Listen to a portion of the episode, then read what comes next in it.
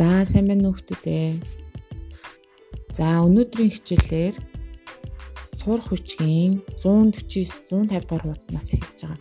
Орчин үеийн нийгэм улс төрийн үйл явцад хэвлэл мэдээллийн хэрэгслийн үзүүлэх нөлөө гэдэг сэдвийг үзэж байна. За тэгээд эхлээд бол багш нь одоо хэвлэл мэдээлэл гэж яг юу хэлдэг вэ гэдэг талаар тайлбарлая. За тэгээ хэвлэл мэдээлэл гэдэг нь нийтлэл нэвтрүүлгийн тусламжтайгаар үнэн бодтой мэдээллийг шуурхай тогтмол хангах зорилго бүхий хэвлэл, радио, телевиз, мэдээллийн агентлаг гих зэрэг одоо хэвлэл мэдээллийн сүлжээг тэлдэгэ. За тэгээд мэдээлэл нь үнэн бодтой, тогтмол, шуурхай, хүртээмжтэй, багтаамжтай, итвэхтэй, ашигтай байх ёстой гэсэн зорилготой байдаг. За тэгээд дэлхийн нийтээр одоо дэлхийн нийтээр одоо энэ тогтмол хэвлэл буюу хэвлэл мэдээллийн хэрэгсэл үүсээд 300 гаруй жил бол өнгөрч байгаа юм байна.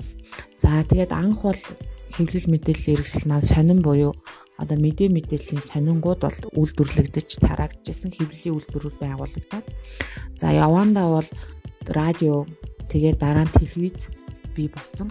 За ингэснээрээ олон нийтийн хэвлэл мэдээллийн цоос шин одоо систем одоо орчныг бүрдүүлжсэн 20 дугаар зуунд За одоо үед бол орчин үед бол цахим хэвлэл мэдээлэл бол улам хөгжиж одоо хэвлэл мэдээлэл маань онлайнаар интернет орчноор одоо маш хурдан шуурхай тарах болсноор хэрэглэгчдийн тоог нэмсэн. За тэгээ хэвлэл мэдээллийн одоо энэ орчин хэвлэл мэдээлэл маань өөрөө бас дахин шинэ орчин үед нэмж хөгжиж өгсөн байдаг.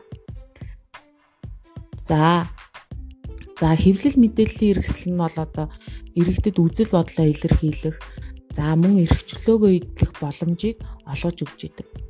За тэгээд нөгөө ардчлалын үнд зүйлсийн нэг хэсэг болох одоо бидний мэдэх хэрэг байгаа тий. За тэгээд нөгөө чөлөөт байх эрх мэдэх эрх. За тэгээд байр суурь үзэл бодлоо илэрхийлэх тэр эрхүүдээ эдлэхэд маань яадаг вэ гэхээр хамгийн гол нь бид нар нөгөө мэдээ мэдээлэлтэй байчаач тухайн зүйлсийн асуудлыг олж харж ээж бид нар үзэл бодлоо илэрхийлнэ. Тухайн зүйлийн асуудал мөн чанарыг нь таньж мэдчихэж бусдын талаар одоо өөрийн байр сууриа илэрхийлнэ шүү дээ. Тийм учраас тэр бид нар тэр үзэл бодлоо илэрхийлэх, мэдэх эрхээ хангахын тулд хэвлэл мэдээллийн хэрэгсэл буюу одоо энэ чөлөөт хэвлэл мэдээлэл дөрөвдөг засаглал бол ардчилсан нийгмийн гол үндсэн суурь зарчмуудын нэг болж өгдөгөө. За тэгээ ардчилсан нийгэмд хэвлэл мэдээллийн хэрэгсэл нь одоо дараах түгээмэл үүргүүдийг гүйцэтгэе гүйцэтгэдэг гэж байгаа. За нэгдүгээрт бол яадаг вэ гэхээр иргэдэд өөрийн санаа бодлоо төлөвшүүлэхэд те одоо мэдээлэл олгож тусалдаг. За мэдээлэл олгох буюу одоо өөрийн санаа бодлоо төлөвшүүлэхэд туслана гэж байгаа. За тэгэхээр нөгөө мэдээллийг чөлөөтэй авах боломжийг нээж өгнө. За хоёр дахь нь болохоор зэрэг иргэдэд хяналт шалгалт буюу шүүмжлэл өрнүүлэх боломжийг бий болгож байгаа. За энэ нь яадаг вэ гэхээр хэвлэл мэдээллийн хэрэгсэл маань одоо чөлөөтэй мэдээлэл авах эрхийг олгосноор бид нар аливаа асуудлын тулгамж байгаа асуудлын гол мөн чанарыг харна. За мөн тухайн асуудлын яг одоо одоо шилэн данс буюу одоо нэг хямж болно те За мөн өөрсдийн үзэл бодлоо шүүмжлэлээ өрнүүлж болно. Альва төрийн үйл ажиллагаа бөгөөд их мэдлэлтэй хүмүүсийн үйл ажиллагаан дээр хяналт тавьж болдог. За гурав дахь хэсэг нь болохоор цэнгийн баясгах буюу боловсрол олгох, хөгжүүлэх үүрэгтэй гэж байгаа. Тэгэхээр энэ маань юу гэхээр ард иргэд маань хэвлэл мэдээллийн хэрэгслээр дамжаад мэдээ мэдээллээр дамжаад өөрийн гэсэн бас боловсрох, өөрийгөө хөгжүүлэх боломжийг олгож өгч явах хэрэгтэй гэж үздэг байна. За тэгээ өнөө үед бол хэвлэл мэдээллийн хэрэгсэл нь улс төрийн зүгээс юм уу ашиг сонирхлыг зүгээс одоо ашиглах гэж оролдох тохиолдлууд бас маш их болсон.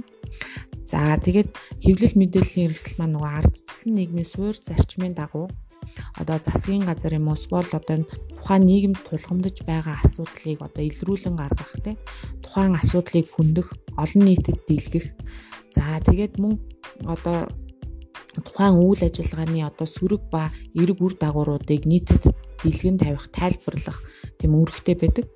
За тэгэхээр энэ энэ үүргийн маань бас одоо тодорхой хэмжээгээр өнөөгийн нийгэмд бол яадаг вэ гэхээр зэрэг ашиг сонирхол хамгаалах үүднээс хэвлэл мэдээллийн хэрэгсэлд одоо чөлөөтэй байх эрхийг нь бас зарим тохиолдолд хааж өгсөн үйлдэлүүд гардаг. За тэгэхээр энэ нөхцөлд яаж одоо даван туулах вэ гэхээр энийг хуулиар зохицуулт хийж өгсөн байдаг. Хэвлэлийн эрх чөлөөний тухай хууль буюу хэвлэл нийтлэх тухай хууль гэж байдаг. Тэгэд эдгээр хуулийн тогтоомжийн дагуу одоо энэ сэтгүүлчдийн чөлөөтэй За тэгээд дээрэс нь тухайн зүйлийг олон нийтэд хүргэх гэж байгаа тэр ажлаа эрхлэх боломжийг нийтэд дэлгэж өгдөгөө.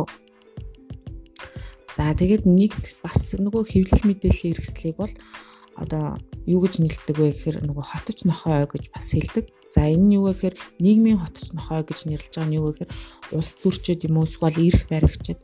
Эсвэл одоо илүү их эрх мэдэл байр суурьтай байгаа хүмүүс нөгөө олонхын ашиг сонирхлыг хүндсэн. Эсвэл олонхот олонхын ашиг сонирхолд нийцэхгүй зүйлийг одоо өөрийн нөгөө нийгмийн статус буюу байр сууриа ашиглаад ямар нэгэн байдлаар үлдэх үедээ эсвэл тэдгээр хүмүүсийн эрх мэдлийн хүрээнд одоо хянагдаад тухайн асуудал одоо ямар нэгэн шудраг бус тогтолцоо бий болох үедээ те хэрвээ тийм нөхцөл зүйл бий болсон бол тэрийг одоо илрүүлэн гаргаж олон танилцуулах нь одоо хэвлэлийн үүрэг учраас одоо нөгөө хэвлэл мэдээллийн хэрэгслийг одоо хянагч одоо нөгөө хотт нохой гэж хэлээд байгаа. За тэгээд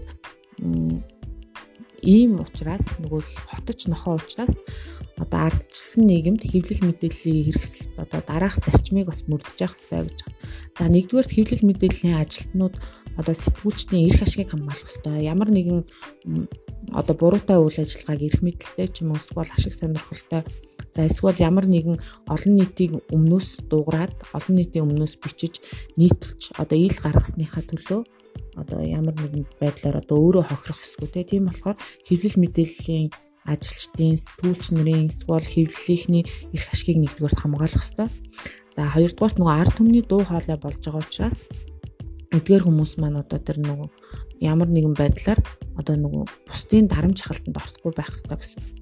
За тэгээд хүний эрх эрхчлөөг одоо нэг хүний эрх эрхчлөөг бус олон хүний эрх эрхчлөөг одоо э, дээдлэх ёстой. За тэгээ олон түмний төлөө дамжуулж байгаа мэдээлэл учраас нас хүйс шашин шүтлэг боловсрал харгалцахгүйгээр бүх нийтэд зориулсан одоо тэгшээр мэдээлэл хүргэх тэр хуулийн боломжийг бол олгох ёстой. Хуулиар одоо тэр нөхцөл боломжийг нь хангах ёстой гэж үздэг байна.